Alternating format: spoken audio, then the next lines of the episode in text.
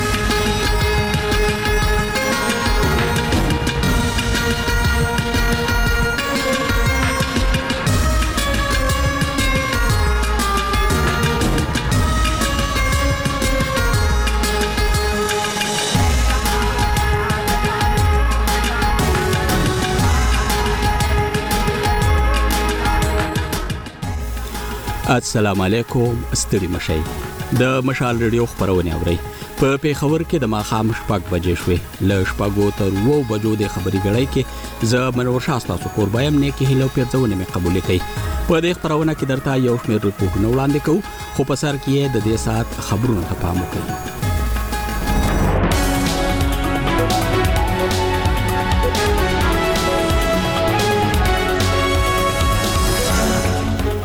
د خبرونو چرټکی د ولسمشر له انکار وروسته د پخوانی سپیکر لخوا د فروری په 19مه د قامي اسمبلی غونډه را بلل شوې ملي جمهوري غورځنګ یو وار بیا له حکومته د فرورۍ لسمې په ډزو کې د وژل شوو او جوړو کورنیو ته د انصاف ورکولو غوښتنه شوې امریکا وایي که د يرغمل شوو اسرایلیانو په اړه جوړجاړی وشي نو ممکنه ده چې اسرایل په روجا کې جګړه ودروي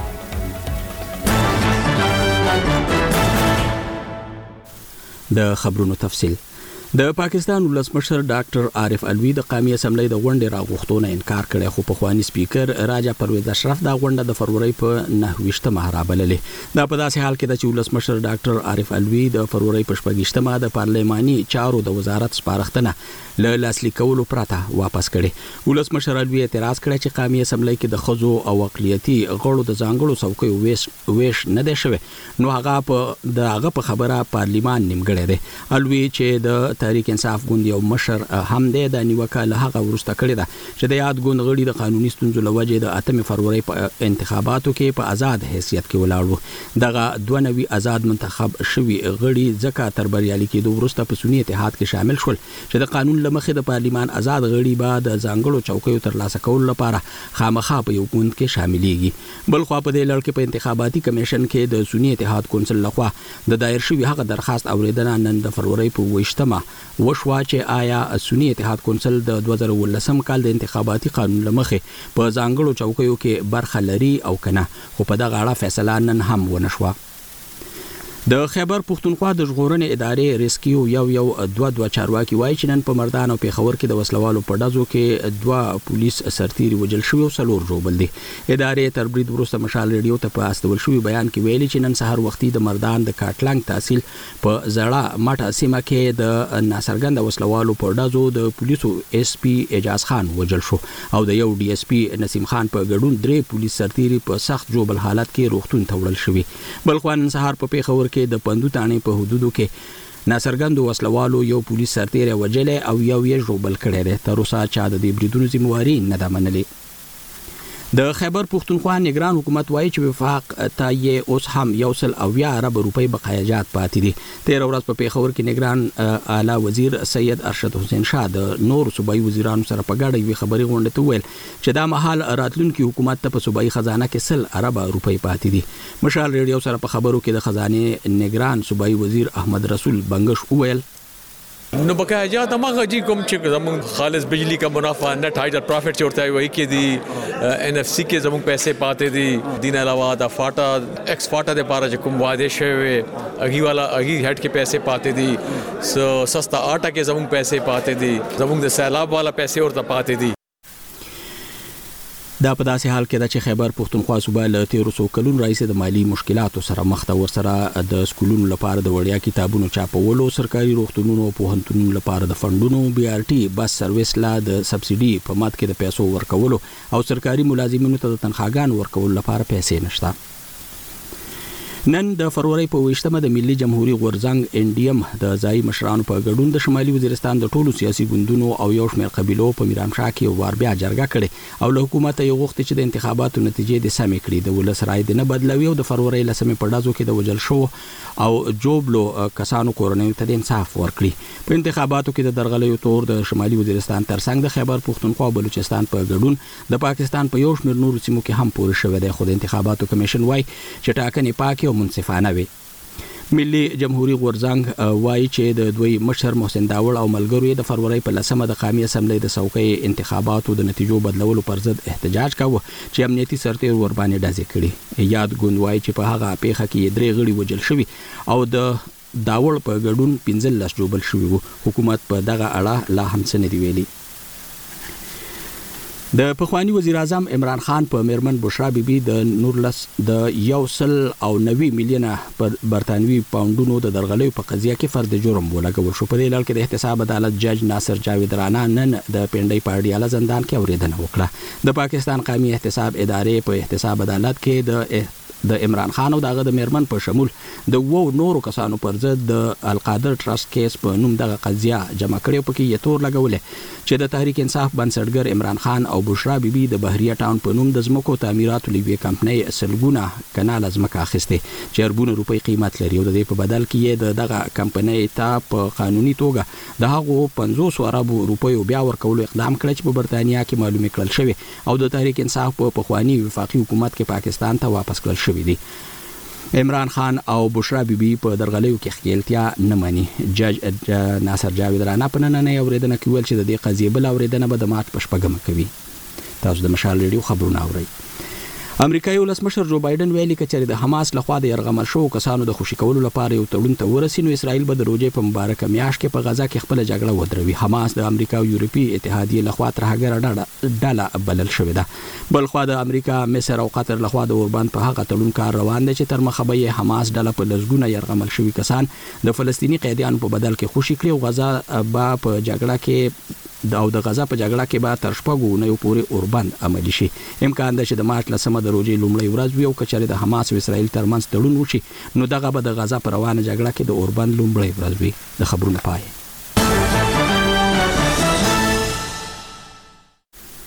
د مشال رېډیو په خپرونو کې مو د دې ساعت خبرونه واورېدل. په روانه ګړۍ کې راسره اوسئ چې په دې موضوعاتو تفصیل واورئ.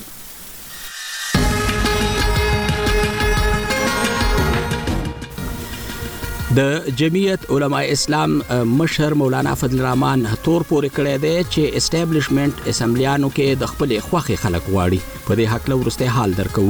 د صدر لین کار روسته سپیکر د پاکستان د قومي اسمبلی غونډه د فروری په 9مه را بللې ده په دې کې څه کاروایی کیدونکې ده د عام انتخاباتو درې هفتو کې دننه د قامي اسمبلۍ غونډه رابلل د قانون او آئین تقاضا ده په دغه غونډه کې به د سپیکر او د ډیپټي سپیکر نه علاوه د صدر اعظم انتخاب کیږي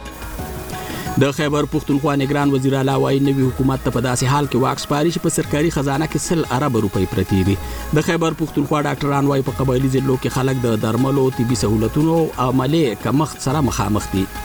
نن سبا وګوره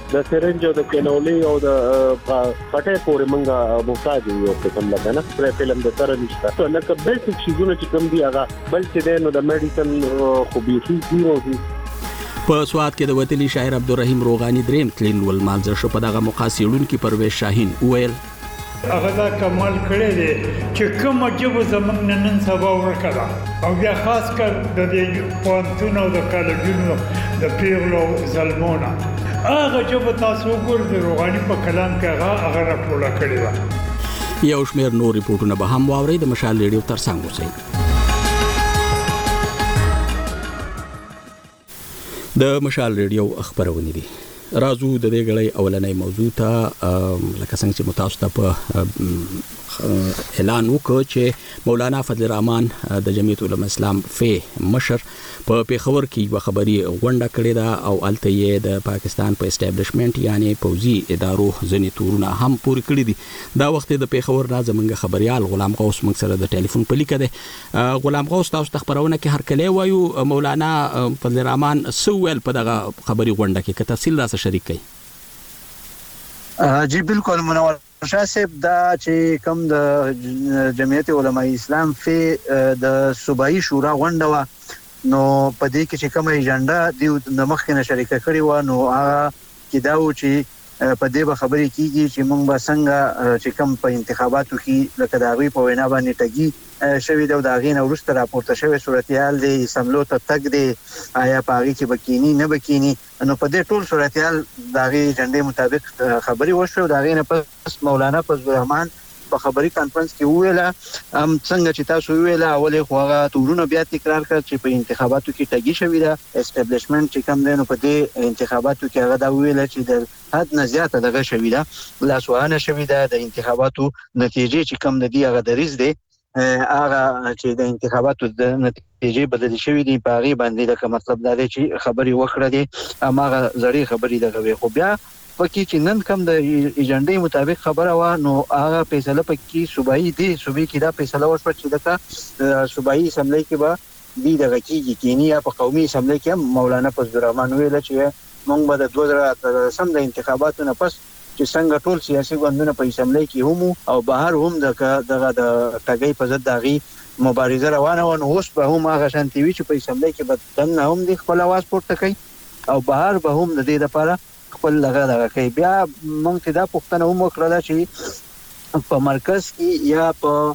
دغه کې چې کوم دی په بلوچستان کې که فرض که هغه ته وزارتونه میلاو شي یا په حکومت سازۍ کې دغه شي شامل شي نو بیا به څه دغه وي لکه د ده په دریځ کې به څه فرق راځي که نه ځکه مخکې مولانا فضل الرحمن ویلي وو چې موږ به په د حکومت سازۍ حصه نه جوړېږو یعنې په کوم ځای کې چې حکومتونه جوړېږي د هغې حصه به نه یو نو هغې جواب هغه داسې راکړو چې سیاسي ګوندونه ورسره دغه کوي رابطې کېږي په سیاست کې خو تر اوسه پورې دوی په د حکومت د برخې د جوړېدلو په اړه باندې څه پرېکړه چې کومه ده نو هغه نه ده کړې نو دغه دوه درې ډېر اوږدې خبرې کړې وي خو به هر حال دغه دغه مهمه خبرې وي دغه خبرې کانفرنس دغه مهمه خبرې وي ډېره مننه او سبا له بیا د صوبایي سملای غونډه هم ده او بیا به که په دغه څه تفصیل لري یا معلومات درسه نو ددغې معلومات خو دا دي چې لکه یوولس بجې دغه غونډه ترسره کېږي، سبا له عوامي نېشنل پارټۍ په دوه بجې باندې د احتجاج دغه اعلان هم ورکړی دی او دا هم امکان دی چې د مخکې نه هغوی دغه وکړي، احتجاج وکړي او په دې کې لکه چې کوم د صوبايي اسمبلۍ غړي دي، سبا امکان دا دی چې بس هغوی به صرف حلف واخلي او نور به بیا لکه د حکومت سازۍ چې کوم عمل دی، هغه به د سبا نه پیل شي، بیا به دغه په شانتې چې څنګه د سپیکر او د ډپټي سپيکر دغه دی انتخاب دی يا د اعلی وزير انتخاب دی د هغې لپاره به بيا شيډيول اعلان کيږي هغه کاغذونه به په اسمبلۍ کې دننه خپل خپل لکه مطلب دا دی چې څوک مقابله کوي اکثریت خو دغه سره دی د پی ټی آی د آزاد امیدوارانو چې کوم په وس پسونی اتحاد کونسل کې شامل شوی دی او ټول واتیاهي نو ظاهر ده چې حکومت به هم دی دغه کوي جوړای نو په دې باندې بلکې دوه درې ورځې کې به دا عمل اکثر ته ورسي خو سبا ما خیال چې صرف دغه حالت مرحله به وشي او الیکشن هغه شیډول به اعلان شي سمه ده ډیره مننه غلام غوث را سره او د پیښور نه او تاسو ته دمرو وایو چې مولانا فضل الرحمن چې کوم وروستی پریس کانفرنس کړی د هغې په حواله باندې د پاکستان د اسټابلیشمنټ او یا انتخاباتي کمیشن موقف خو لا نه دی راغلی خو د وړاندې د عمومي موقف د پاکستان د اسټابلیشمنټ یعنی پوز دا دی چې دوی په انتخاباتو کې یا سیاسي عمل کې ګوتې نه وهي او انتخاباتي کمیشن ویلي چې وروستی عام انتخابات ته چې کوم نو دا شفاف وو او که کوم خلک اعتراضونه لري نو دوی سره دي خپل اعتراضونه او نیوکه په رسمي ډول جمع کړي همدغه سره تړلې موضوع کې ورزوبل راپورټ ته د پاکستان ولسمشر ډاکټر عارف علوی د قامي اسمبلی د غونډې لرا غوښتو انکار کړي خو د هغه اسمبلی په خواني سپیکر راجا پرویز اشرف دا غونډه د فروری په 9مه وربللې په غونډه کې به د 8 فروری په عام انتخاباتو کې بریالي شوی امیدواران سوګند پورته کوي او د نوي سپیکر او وزیراعظم انتخاب به کیږي. په پاکستان کې د دوه زره څلرویشتم کال د فرورۍ په اتمه د قامي او صوبايي اسمبلۍ لپاره عام انتخابات ترسره شوي وو. په دې هکله نور حال له اسلام اباده زموږ خبریال راشد خټک راکوي. د پاکستان صدر ډاکټر عارف علوي د انتخاباتو نه پس د قامي اسمبلۍ غونډه راغوښتلو نه انکار کړی دی. خو د اسمبلۍ سپیکر راجا پرویز اشرف دغه غونډه په نویشتمه فرورۍ د ورځې لس بجې راغوښتې ده. په غونډه کې به د اتمې فرورۍ په انتخاباتو کې بریالي امیدواران سوګند پورته کوي او د نوي سپیکر او وزیراعظم انتخاب به کوي. پنځه ورځې وړاندې د پارلیماني چارو د وزارت له خوا صدر عارف علوي ته د قومي اسمبلۍ غونډه راغوښتلو لپاره یوه سمري ورلېږل شوې وه خو ده لاسلیک نه کړه او بېرته یې ورولېږله چې تر هغې وروسته د قومي اسمبلۍ سپیکر راجا پرویز اشرف دغه غونډه راوغوښتله. په اسلام اباد کې د ورلډ ټریبیون ایډیټر افتخار مشواڼي وایي چې دغه ستونزه به د پرلیمان په کردار او د وزیراعظم په انتخاب بد اثر وکړي. ده په دې هکله مشال رډیو ته وویل. نو په دې باندې متضاد خبرې دي ځکه چې سابقه سیکرټري الیکشن کمیشن چې کوم دی هغه دا وایي چې سپیکر چې کوم دی هغه ته اختیار نشته چې هغه اجلاس د صدر د سمري د اپرول نه بغیر هغه اجلاس وغواړي لیکن بلې غاړې ته نګران حکومت دا وایي چې په یوویشتمه ورځ باندې چې کوم دی هغه قومي اسمبلی سیکرټري یا سپیکر چې کوم دی هغه اجلاس راغوښته شي په کار دا ده چې دواړه فریقه چې کومه ذمہ داري ثبوت ورکړي او د آئین او د قانون تقاضې چې کوم دی هغه پوره کړي صدر عارف علوي د قومي اسمبلی غونډه نه رابللو په لړ کې د پارلیماني چارو وزارت ته ویلي دي چې لا تر اوسه پارلیمان نیمګړی دی ځکه چې د ښځینه او اقلیتونو لپاره ځانګړې شوې ټولې چوکۍ سیاسي ګوندونو ته نه دي ورکړل شوې خو په اسلام اباد کې د خیبر ټي وي ډایرکټر نیوز مبارک علي وویل چې د قومي اسمبلۍ سپیکر هم د ايین تر مخه غونډه رابللی شي. ده د مشال له ډوی پوښتنه داسې ځواب کړه. د عام انتخاباتو یوویشت ورځه یعنې درې هفتو کې دننه د قامي اسمبلۍ غونډه رابلل دا د قانون او ايین تقاضه ده. په دغه غونډه کې به د سپیکر او د ډپټي سپیکر نه علاوه د صدراعظم انتخاب کیږي او په قانون کې داسې لاره شته. که صدر انکار وکړي یا صدر څه عذر وکړي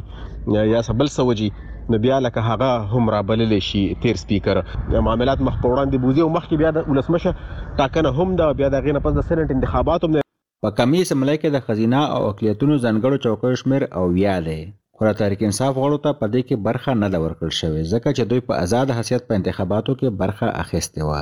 او بیا یې په سني اتحاد کونسل کې د شاملېدو اعلان کړی و. په کوټه کې قانونپوه او تجزیه نګار همایون کسي ډوکیټ وايي چې د صدر او سپیکر تر مینځ د قمي اسمبلۍ اجلاس په هکله شخړه به په ملک کې سیاسي وضعه نوره هم کړکېچنه کړي. ده په دې اړه مشال رډیو ته وویل. پنځه کاله که وو هم ستونزې به وي او دا سیاسي بحران اوږدېږي او د دې سیاسي بحران په نتیجه کې به د پاکستان معاشي بحران چې کوم ډېر په کریټیکل حالت کې دی دا به نور خرابېږي. خبره دا خواته هم تللی سي کېدلی سي ایمرجنسي خو خواته خبره ولاړه سي یو معاشي ایمرجنسي کریټ سیاسي ایمرجنسي خو دا د پارټیان یو د بل سر بیرته د گزاره کولو ته تیار دي کنه مطلب یو لار وړل غواړي معاشي ایمرجنسي د امکان وته خبره نه ده دا ایمرجنسي راتللی سي کالات ډیر خراب سو قومي حکومت خواته هم خبره تللی سي خو په پېښور پوهنتون کې د ژورنالیزم استاد او قلم نګار ډاکټر عرفان اشرف دا دومره لویه ستونزه نه ګڼي او وايي. یقیناً د پرزیډنټ علوي تعلق د عمران خان تحریک انصاف سره ده نو هغه به هغه څه کوشش کوي څه کوم کې د خپل پارټۍ طرفداري وکړي په کار خو نه ده پرزیډنټ خو یو نیوټرل تن وي. خو بیا هم د هغه همدردیانې په خپل ځای نو دا کشاله څه کوم اوس ویچته شوي دا وقتي ده او زه ګڼم څه دا مخکې ځکه نه ځي څه د ده مخلوط حکومت په شا د پاکستان ملټري ولاړه ده. سني اتحاد کونسل د ځانګړو چوکیو ترلاسه کولو دپاره الیکشن کمیشن اف پاکستان ته درخواست هم ورکړی دی. الیکشن کمیشن پرېکړه کړې ده چې نن به په عام محضر کې د دې درخواست اورېدنه کوي. سپیکر د ایین د یونوي مادې لاندې د کمې اسمبلۍ اجلاس راغوښتی دی. دا ماده په ایین کې له هغې وروسته اضافه شوه چې په کال دوه زره دوه کې د پاکستان د هغه وخت پوځي ډیکټیټر جنرال پرویز مشرف د پارلیمان غونډه وځنډوله. بلخوا د کمې اسمبلۍ سکرټریټ په نویشتمه فرورۍ د ملک د شپاړسمې اسمبلۍ لومړۍ غونډې ته خبریالان هم دعوت کړي دي. راشد خټک، مشال رډیو، اسلام اباد.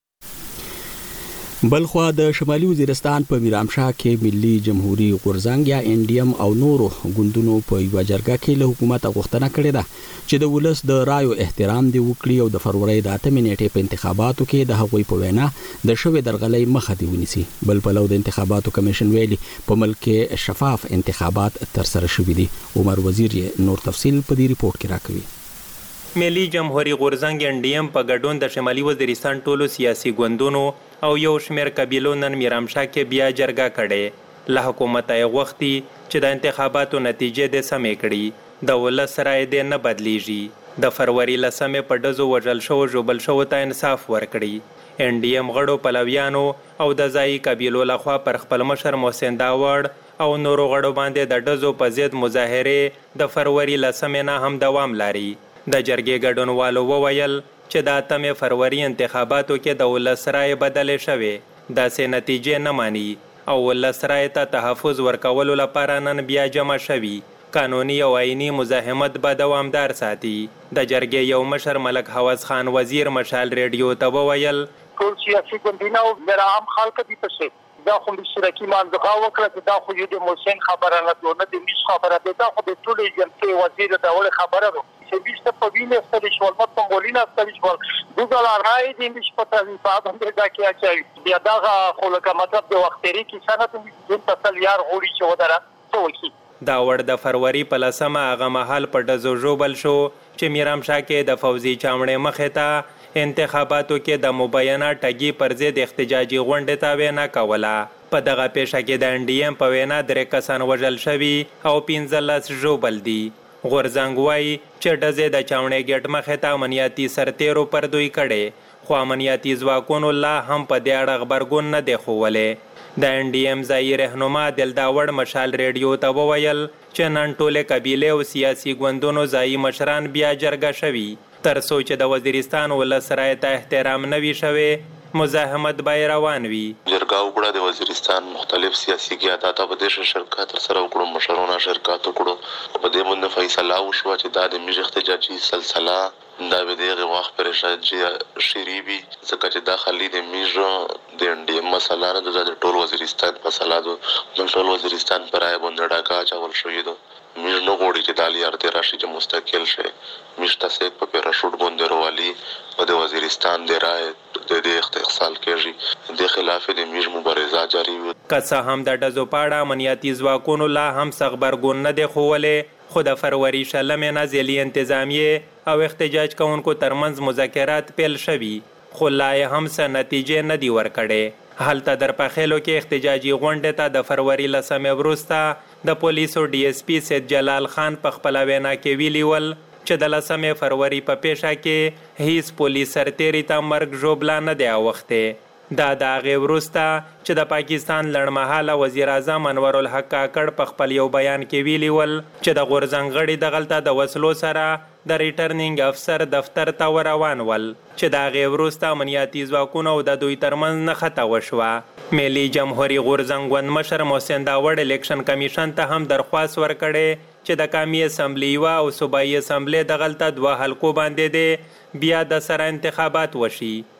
ده وړ الیکشن کمیشن ته په خواست کې ویلي چې د عامو ټاکنو په مهال د هغه د حلقې د رایو په څو مرکزونو وسله والو بریدونه کړي وو، د رایې پاڼې یې سوځولې او د انتخاباتو په نتیجو کې هم ټګي شوې. پاکستان کې عمومي ډول د انتخاباتو په اړه غبرګونونو په ځواب کې الیکشن کمیشن ویلي چې انتخابات په صفا ډول شوي دي. عمر وزیر، مشال ریډیو. بنو.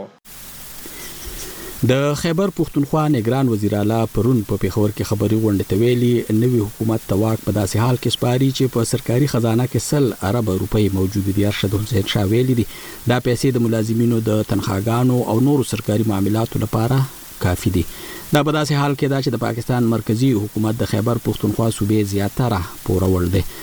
شنونکي وايي، نوی صوبايي حکومت به له مرکز نه د خپلو پورونو ترلاسه کولو لپاره له ننګونو سره مخ وي. تفصیل له پېښوره زموږ خبریال غلام غوث راکوي.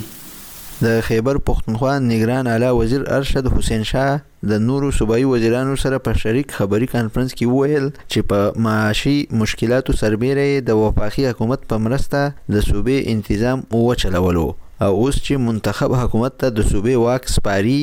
نو په صوبايي خزانه کې سل اربه روپۍ موجود دي. په دغه اړه د فرورۍ په شپږیشتمه نېټه په وزیراعلی هاوس پېښور کې د خبري کانفرنس وروسته د خزانې صوبايي وزیر احمدرسول بنګش مشال رېډیو ته وویل، نو په دې موږ سره بالکل د 19 تاریخ باندې چې موږ د خپل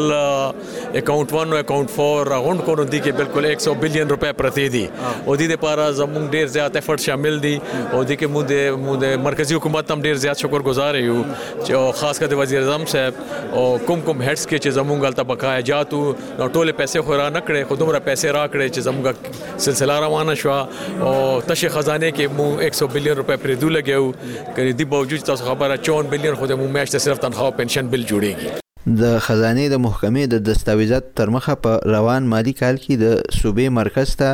د دوه سوه دوه دېرش اربه روپو بقایا جات جمع شوي دي چې پکې یې دوی ته دوه شپېته اربه روپۍ ورکړې دي. او نور بقایاجات تر اوسه نه دي ورکړې شوي. د خزانې صوبايي وزیر احمد رسول بنګش وايي، د صوبې مرکز ته ورپوري بقایاجات مخ په زیاتېدو دي. نو بقایاجات هماغه دي کوم چې زموږ خالص بجلي کا منافع، نټ هایډل پرافټ چې ورته وایي، هغه کې دي، اېن اېف سي کې زموږ پیسې پاتې دي، دې نه علاوه د فاټا، اېکس فاټا لپاره چې کوم وعدې شوې وې، اغي والا اغي هټ کې پیسې پاتې دي سستا آټا کې زموږ پیسې پاتې دي زموږ د سیلاب والا پیسې ورته پاتې دي کنه اره میاشت زموږ او ته پچې کوم پیسې جوړيږي مطلب دا دی چې د شي غنه د فګر و زیات شوی وي کم شوی بنوي شینون کې وایي د صوبې را روان منتخب حکومت لپاره به د وفاقي حکومت نه د صوبې بقایجات ترلاسه کول یو لوی چیلنج وي. په پېښور کې د جنګ ورځپاڼې خبریال ګلزار خان په دغه اړه د پوښتنې په ځواب کې وايي، د دې نه مخکې یقیناً مالي بحران ډېر زیات و، ایون د تنخاګانو هم مسله وه، دوه دوه، درې درې، څلور څلور ورځې به تنخاګانې لېټ وې او یو سنګین بحران و. دی وايي چې یاره موږ سل اربه روپۍ په خزانه کې جمع کړې دي او د اېن اېچ پي خبره دې وکړه چې یاره موږ په دې ټینیور کې موږ ته باره ارب روپۍ مېلاو شوې، زموږ د صوبې حصه جوړېږي سالانه د اېن اېچ پي سینتیس ارب روپۍ. د هغې طریقه کار دا و چې موږ ته به په هر میاش بیا دې کیستوار کیستونو کې ورکوله تین ارب روپۍ به ورکوله نو اگر چې موږ دې ته وګورو چې د نگران حکومت دا منډیټ نه دی چې راغه زموږ د صوبې د حقوقو جنگ وکړي یا دغه مالی بحران حل کړي دغه کار الیکشن د شفاف الیکشن انعقاد کولو خو چونکې دا ټینیور د نگران حکومت ډیر زیات شولو نو په هغه کې یقینا دې شینو ته هم توجه پکار و نو کدی دا خپل ډیره غټه تور غنی چې موږ دا لکه ډیر غټ کارنامه وکړه کوم بل خوا ته وګورو نو په صوبه کې خو د سورلس میاشتونه یو پروجیکټ نه وینې دی شوی په ای ډی پی باندې پابندي و نو په کار دا و بجای د دې ک د دې د کریډټ الی چې رسل رب روپی په خزانه کې موجود دي نو یقینا دا خو زموږ د صوبې د تنخواګانو د دوه میاشتو د غم نه د خرچم نه ده په وزیراعلی هاوس پېښور کې نګران وزیراعلی او صوبايي وزیرانو د خېبر پښتونخوا د نګران حکومت د کارونو او د صوبې د مالي معاملاتو د حل کولو لپاره د پورته کړې شویو ګامونو او د خپلې کارکردګۍ ستاینه وکړه خو په پېښور کې خبریال او شینونکی محمود جان بابر وايي د نګران حکومتونو کار په اصل کې راڼه او منصفانه انتخابات کول وو. که تا ترقیاتی کارونه هم کړی وی او صوبه دی په ښه طریقه هم چلولی وی او بیا دی ورکی دا پیسی بچ کړی موږ خو دا دده منډیټ هم نه وو دا دده کار هم نه وو چی دی به پیسی بچ کړی دی به ترقیاتی کار کړی دده کار صرف دومره وو چی دی به راځی او دی به الیکشن کوی او ځی به او الیکشن که په ښه طریقه باندی وشی خو هغه دده خپل کار پوره شو او که دنه د خلکو ګیلی شکوی پاتی وی او الیکشن په ښه طریقه باندی نه دی شوی نو ده خپل کار پوره کړی نه دی. تیر کال د جنورۍ په میاشت کی د هغه وخت د تحریک انصاف حکومت لخوا په خپله سپارښتنه د خېبر پښتونخوا اسمبلي ماته شوې وه او منتخب حکومت ختم شوی و او تر دې دمه په صوبه کې د یو کال د مودې نه زیات وخت کېږي چې یو نګران حکومت قایم دی. دا مشال راډیو ده. په پاکستان کې ماشومانو ته د پولیو ضد څاڅکو ورکولو لړۍ د فرورۍ له شپږیشتمې پیل شوې چې د مارچ تر درېیمې نیټې به دوام لري دا بهیر په خیبر پښتونخوا کې هم روان دی د پاکستان د پولیو زیاتره مثبت کیسونه هم په خیبر پښتونخوا کې مخې ته راځي په دې هکله تفصیل له پیښوره زموږ خبریال شبیر جان راکوي خیبر پښتونخوا کې د پولي مخنیوي ادارې له خوا جوړ ایمرجنسي اپریشن سنټر یا ای او سي ډایرکټر محمد ذیشان خان مشال لېډو ته وویل چې د پولیو ضد دا پنځه ورځنی کمپاین به په دوو مرحلو کې کول شي. لومبی مرحله د شپږ ویشتم فرورۍ نه پیل شوه چې په لکي مروت او ډېر اسماعیل خان کې به وي ولې د درېیم مارچ نه به ټوله صوبه کې دا کمپاین وي او د دوی هدف حوشه څلور اویا لکه هغه ماشومان دي چې عمرونه یې تر پنځو کلونو وي. په دې اړه د امنیت ټینګ ګامونه هم پورته کړل شوي دي. ټارګټ چې کوم دی نو د دې دوو ډیسټریکو لپاره تقریبا 5 لاک دی او د دې نورو پوره سره د دې دوو ډیسټریکو چې کوم دی نو هغه تقریبا 73 74 لاک دی 7.4 میلیون دی په دې کې چې کوم دی موږ سره تقریبا 55000 ټیمونه حصہ اخلي او 35000 پلس سکیورټي پرسنل چې کوم دی نو دا به دې کې باندې ان شاء الله د دې د حفاظت لپاره ډیوټي سرانجامي یادونه را چې تیر وختونو کې هم د پولیو څاڅکي ورکونکو زنانه نارینه هلکارانو او دوی سره ساتونکي پولیس هلکارانو باندې د وسلوالو بریدونه شوي چې پکې د سرکاري شمیرو تر مخه تر دې دمه خوشا نوي کسان وژل شوي دي چې پکې زیاتره پولیس والا او د پولیو ضد څاڅکي ورکونکي د صحت محکمې اهلکاران شامل دي. دا چې تیرو وختونو کې د صوبې د بیلابیل برخو نه اخیستل شوي نمونو کې د پولیو وارث شتون ظاهر شوی وو نو آیا اوس هم دغه پولیو وایرس موجود دی او که نه څه کمی یا کمزوري پکې راغلې نو نوموړی زیاتوي. جی په هغې کې خو کمی لږ راغلی دی خو مکمل وایرس ختم شوی نه دی مخکې چې کوم دی نو په نوښار کې او په دې نه علاوه چې کوم دی نو په پټان کې په ډیګی خان کې او د دې نه علاوه په پیښور کې په کوهاټ کې په هنګو کې دا ټول مثبت راغلي وو. خو هغه الحمدلله اوس خو دوباره پوزټیو نه دی راغلی نو دا وایرس چې کوم دی کنه نو موجود خو دی او په خبر کې خو دا سه ډیر زیات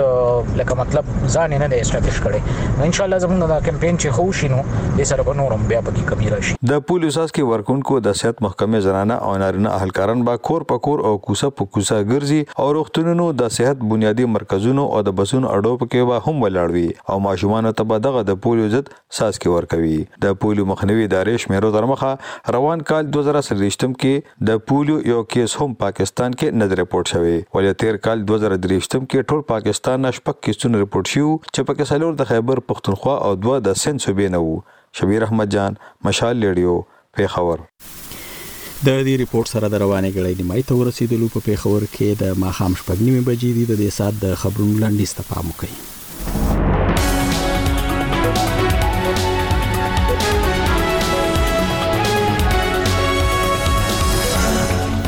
د پاکستان ولسمشر ډاکټر عارف علوي د قامي اسمبلۍ د غونډې راغوښتو نه انکار کړی خو په خواني سپیکر راجا پرویز اشرف دا غونډه د فروری په 9مه رابللې د عارف علوي د فروری په 14مه د پارلیماني چارو د وزارت سپارښتنه له لاسلیک کولو پرته واپس کړو اعتراض وکړ چې قامي اسمبلۍ کې د خزو او اقلیتي غړو د ځانګړو څوکۍ ویش نه دی شوی نو د هغه په خبره پارلیمان نیمګړی دی دا په داسې حال کې دا چې د تحریک انصاف ملاتړ لرونکي امیدواران په وروستیو عام انتخاباتو کې په آزاد توګه بریالي شوي دي نو ځکه تر اوسه ځانګړې څوکۍ نه دي ورکړل شوي نن سهار وختي د خیبر پښتونخوا د مردان ضلع کاټلنګ تحصیل په زړه مټه سیمه کې د ناڅرګند وسلوالو په ډزو د پولیس اس پی اعجاز خان ووجل شو او د یو ډي اس پی نصیب خان په ګډون درې پولیس سرتیري په سخت جوبل حالت کې هسپتال ته وړل شو بل خوانن سهار په پیښور کې د پندو تانې په حدودو کې ناڅرګند وسلوالو یو پولیس سرتیر وجل او بل جوبل کړی دی تر اوسه چا د دې بریدونو ذمہواری نه ده منلې د خیبر پښتونخوا نگران حکومت وایي چې وفاق ته یې اوس هم یو سل او یا ارب روپۍ بقایجات پاتې دي تیر ورځ په پیښور کې نگران اعلی وزیر سید ارشد حسین شاه د نورو صوبایي وزیرانو سره په ګډه یوې غبري غونډې ته وویل دا مهال راتلونکي حکومت ته په صوبایي خزانه کې سل ارب روپۍ پرېږدي دا په داسې حال کې ده چې خیبر پښتونخوا صوبه له تیرو څو کلونو راهیسې د مالی مشکلاتو سره مخ ده نن په پنډۍ کې احتساب عدالت د پخوانی وزیر اعظم عمران خان په مرمن بشرا بیبي د یو سل 90 میلیونه برتانوي پوندونو د درغلیو په قضیه کې فرد جرم ولګاوه په د القادر ټرست په نوم دغه قضیه کې په عمران خان د هغه په مرمن او د وو په شمول د وو نورو کسانو پر ضد د درغلیو کیسونه درج کړل شوې دي خو عمران خان او بشرا بیبي د درغلیو دا کیسونه رد کړی دي امریکا وايي ولسمشر جو بایدن ویلي چې کچېره د حماس لخوا د يرغمل شو کسانو د خوشی کولو لپاره یو تړون ته ورسینو اسرائیل به د روزې په مبارکه میاش کې په غزا کې خپل جګړه ودروي په دې حال کې په قطر کې هم د امریکا مصر او قطر لخوا د اوربند هلې ځلې دوام لري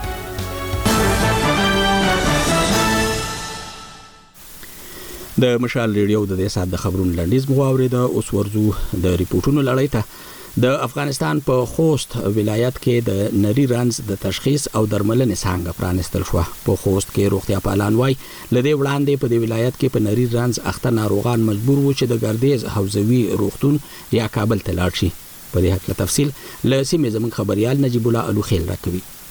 افغان ډاکتران له خلکو غواړي چې د نري رنځ د ساري ناروغۍ د ټولو ډولونو په مخنیوي کې له روغتیاپالانو سره مرسته وکړي.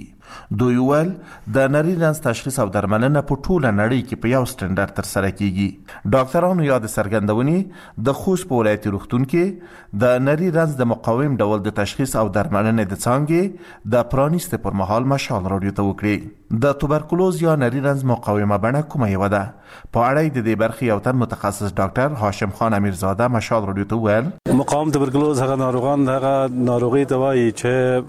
موږ تبرکلوز چېرته پېژندلی، تداوي مو ورته شروع کړې وي، دغه موجوده پخوانۍ دوا په مقابل کې ښه شوی نه وي یا دغه دواګانې په بازار کې چې ورکوي په مریض باندې اثر نه وي کړی، میکروب د مریض په وجود کې ژوندی پاتې شوی وي او د معایناتو په واسطه موږ پیدا کړو چې تبرکلوز دی او تبرکلوز مقاوم دی. د خوست په ولایتي تخصصي روغتون کې د مقاوم توبرکلوز د تشخیص او درملنې د څانګې له پرانیستې وړاندې ناروغان اړ ول چې د دې بیمارۍ د تشخیص او درملنې لپاره د ګردیز حوزوي روغتون یا پلازمینې کابل ته ولاړ شي ناروغ لرونکي د دې مرکز پرانیسته دوی لپاره ګټوره او اړینه بولي نوم جانان شاهین ده دا چې مخکې به موږ مریضان کله کابل ته یا نورو ولایتونو ته لیکدول هغه ته به مریضان له ډیرو سن سره مخ کېدل ځکه چې واوري به یو ټکر به شوی وو ماشاءالله کله دلته زرا غلې ما ډیر ښه تداوی د مریضانو کېږي زه من الله ما بلار مې مریض دلته مې شپخانه ته راوړې د مخ کې مقابل ته وړ لار کې مشکلات وو خو یا به مثال د خبرې ډاکټران به نه ور سره موټر کې به زامات وو مغوا موټر کې به وړ هغه کې باید په تکلیف وو امبولانس واس موږ نه لار اوس دلته لاند راس بس چې اوس خي د عامه روغتیا وزارت د ساري ناروغیو د برخې ډاکټران له خلکو غواړي چې د نري رنځ په مخنیوي او روغتیايي مرکزونو ته په دې بیمارۍ د اخته کسانو په ورپېژندلو کې مرسته وکړي د عامه روغتیا وزارت د ساري ناروغیو د مخنیوي ریاست استازي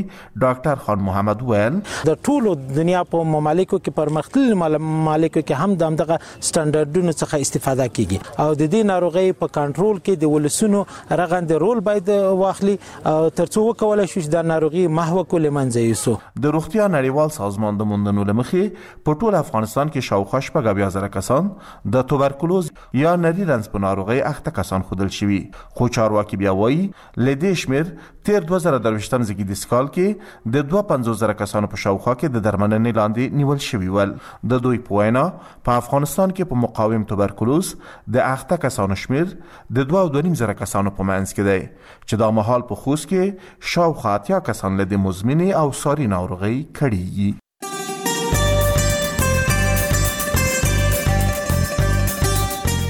د مشال رادیو د چهارشنبه یا شورو ورځې اونیزې خبرونه سروې په لاس نیمو بجو د کرخې په غاړه په یو بجه سندري جادوګرې په دوه نیمو بجو پښتونخوا کلی په کلی په دریو بجو د مشال تر رڼا لاندې په څلور نیمو بجو روغتیا او درملنه په پنځو بجو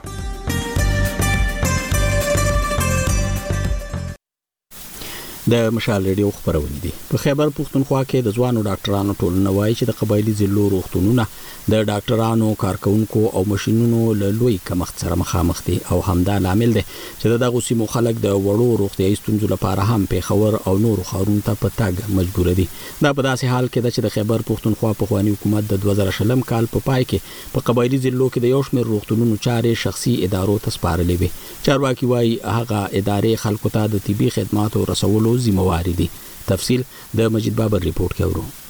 د خیبر پښتونخوا د ځوانو ډاکټرانو اتحادیه وايي چې د قبایلي ضلعو روغتونونه د ډاکټرانو، صحي عملې او د مشینرۍ د سخت کمښت سره مخ دي چې له وجې یې ولس نورو سیمو ته د علاج لپاره په ورتګ مجبور دي.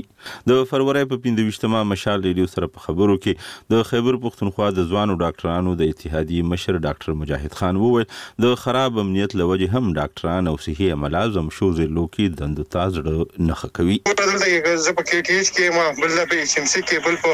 ال ار اېچ کې تاسو که وګورئ د مرج اېریاز چې څومره هم دي د مېجارټي اف پېشنټس چې کوم دي هغه په دې اسپتالونو کې د دوی پراته دي نو که اېف اېم کېس ته هغوی هلته کې حالات ټیک وي هلته کې ورته حالانکه زموږ سره ډېر زیات پول دی په اېف سي پي اېس یې خلکو پاس کړي دي سپېشلایزېشن یې خلکو کړي دي خو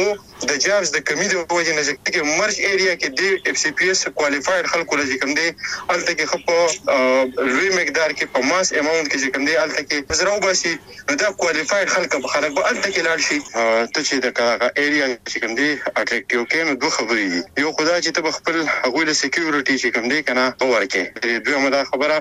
شیر الته کې چونکی د هارد ایریا چې کوم الاونسز دي کنه نو دغه الاونسز او د نورو په نسبت لکه په سنټر کې دي دا پیری پریوم دا په پیری پیری کې دا سي ایریا دا چې مطلب دا لري چې سړی پاغه سب کانشیس کې چې کوم دي دا خبره پرته دا په داسې حال کې ده چې د 2020 میلادي کال د دسمبر په میاشت کې په خیبر پښتونخوا کې د تحریک انصاف په خواني حکومت د زم شو ضلع روغتونونه غیر حکومتي ادارو ته سپارلي ول او دغه پروژو ته د پبلک پرایویټ پارټنرشپ نامه ورکړې و چې له مخه به د روغتونونو ټولې چارې شخصي کمپنۍ سمبالوي، خو د ضم شوو ضلعو لپاره د صحت په صوبايي محکمه کې کوارډینیټر ډاکټر امتیاز شاه د فرورۍ په پنځه ویشت مه مشال رېډیو ته وویل چې په صوبه کې د مالي مشکلاتو له امله دا مهال د قبایلي ضلعو ټول روغتونونه د درملو، عملې او بنیادي شیانو نه محروم دي. لېبارټرۍ کې هم بلا شیزونه دي، لکه یو یو لېبارټرۍ کې یو یو ټېسټ مشینونه چې کوم لګي هغې کې بیا هغې کې چې کوم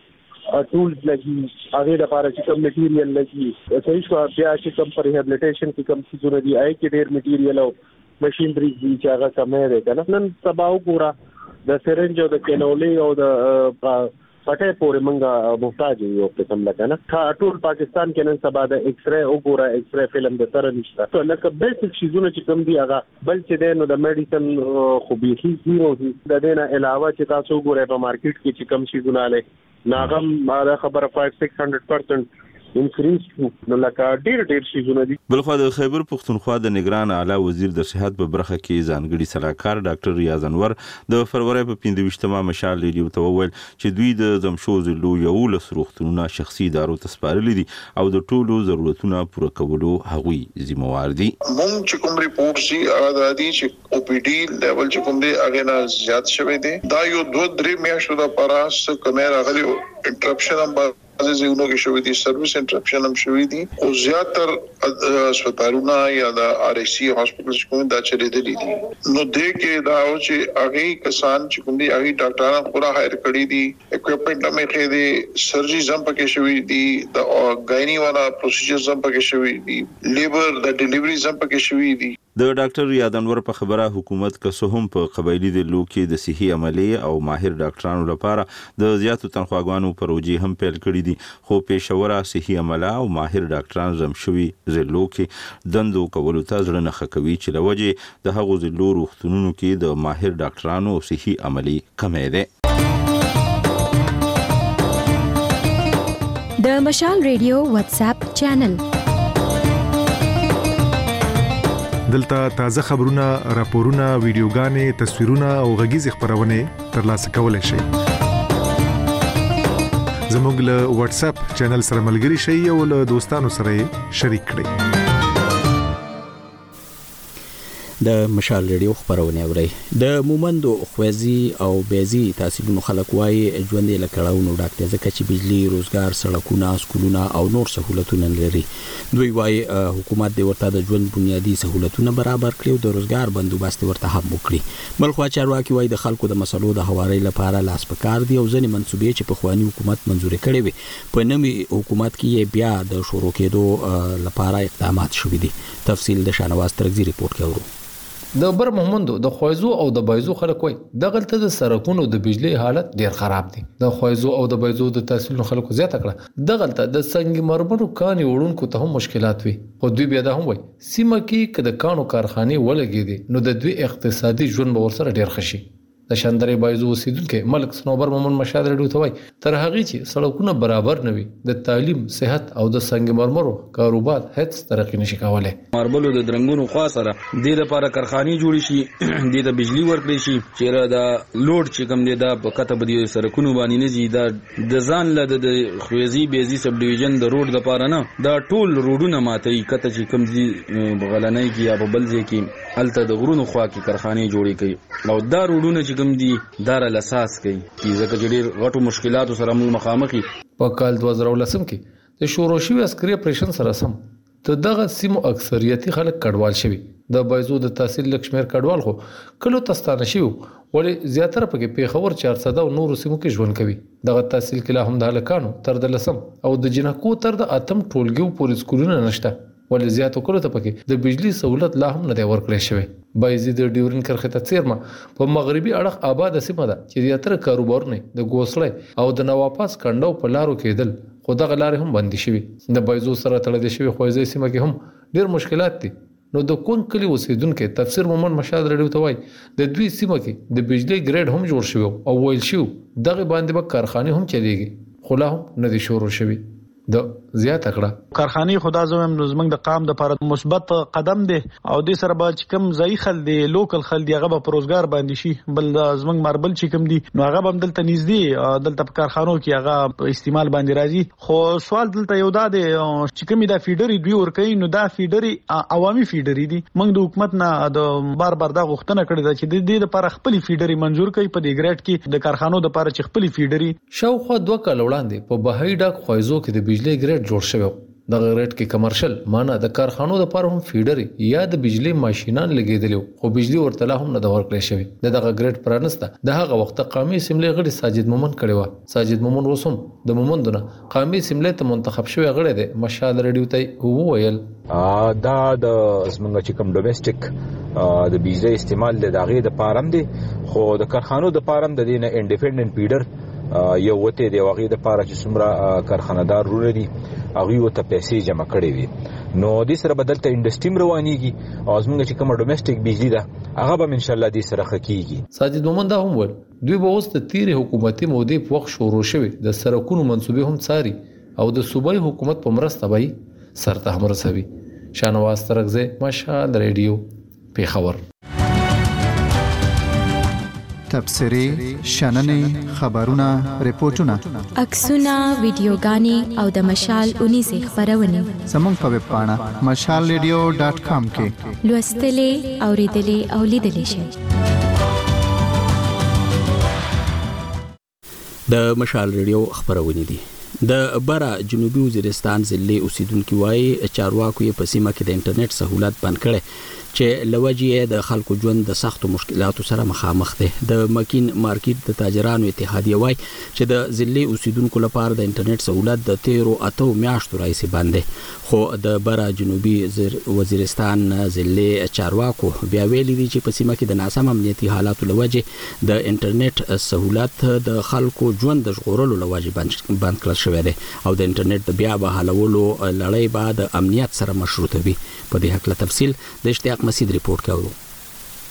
د سویلي وزیرستان اپر ضلعې اوسېدونکي ویايي چې چارواکیو یې د سیمې انټرنېټ سهولت بند کړی دی چې په وجه یې د خلکې ژوند د سخت مشکلات سره مخامخ شوی دی. د مکین مارکیټ تاجرونې اتحادیې مشر ملک ریاض محسید په دغي باره کښې مشال رېډیو ته ویايي. موږ د اپر وزیرستان تحصیل مکین په سطح باندې یا د تحصیل سراروغ او سربکای د مسجد ایریا چې څو راحت دو په دا کښې د اوتې میاشتې نه انټرنیټ سیسټم د تری جی فور جی ولا بند دی موږ د انتظامیه سره د ډی سی سره او د ای سی سره په قومی لول باندې مشرونه ملاقات هم وشو ورسره په یوه ږغیدی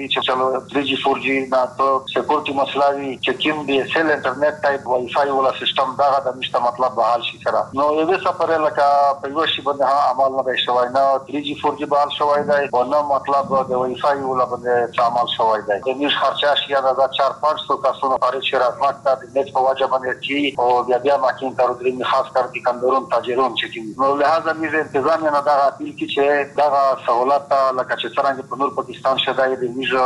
پر وزیرستان ضلع چه کیما دو دا هم د پکستان حصه هدو او حق یهجوړیژی نو میز ته ددغه سهولت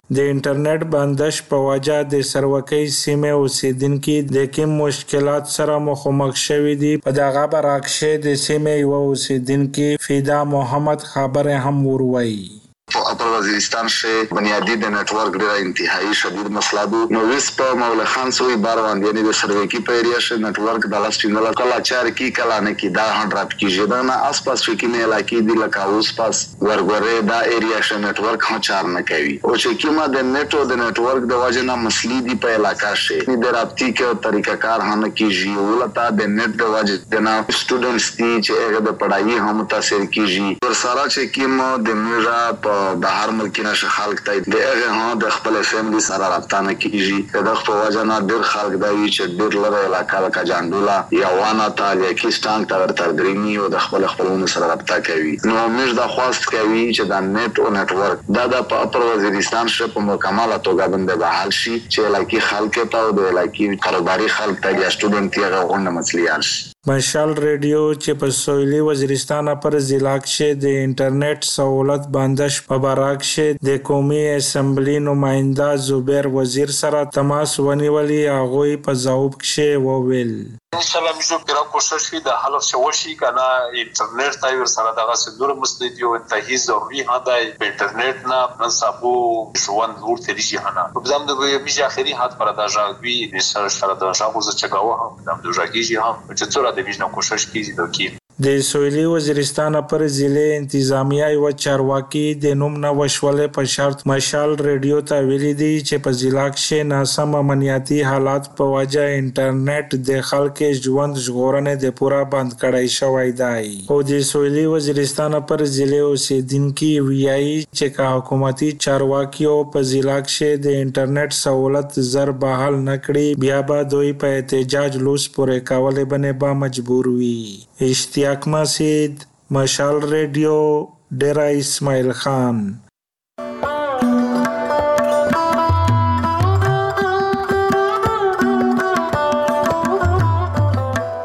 مشال راډیو. پر یوټیوب، انسټاګرام، فیسبوک او ټویټر هم تعقیبولای شئ.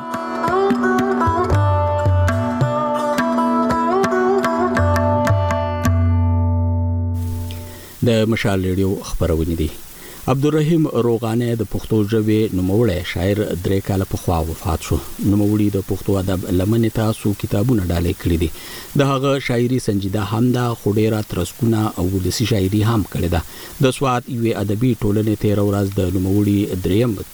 تلین ولمانځه چې پکې یې نوموړي ته پیرزونې وړاندې کړلې. زموږ خبریال نیاز احمد خان هم دغې غونډې ته ورغلی دی او په دې رپورټ کې حال راکوي چې په ترنم پیلېږي.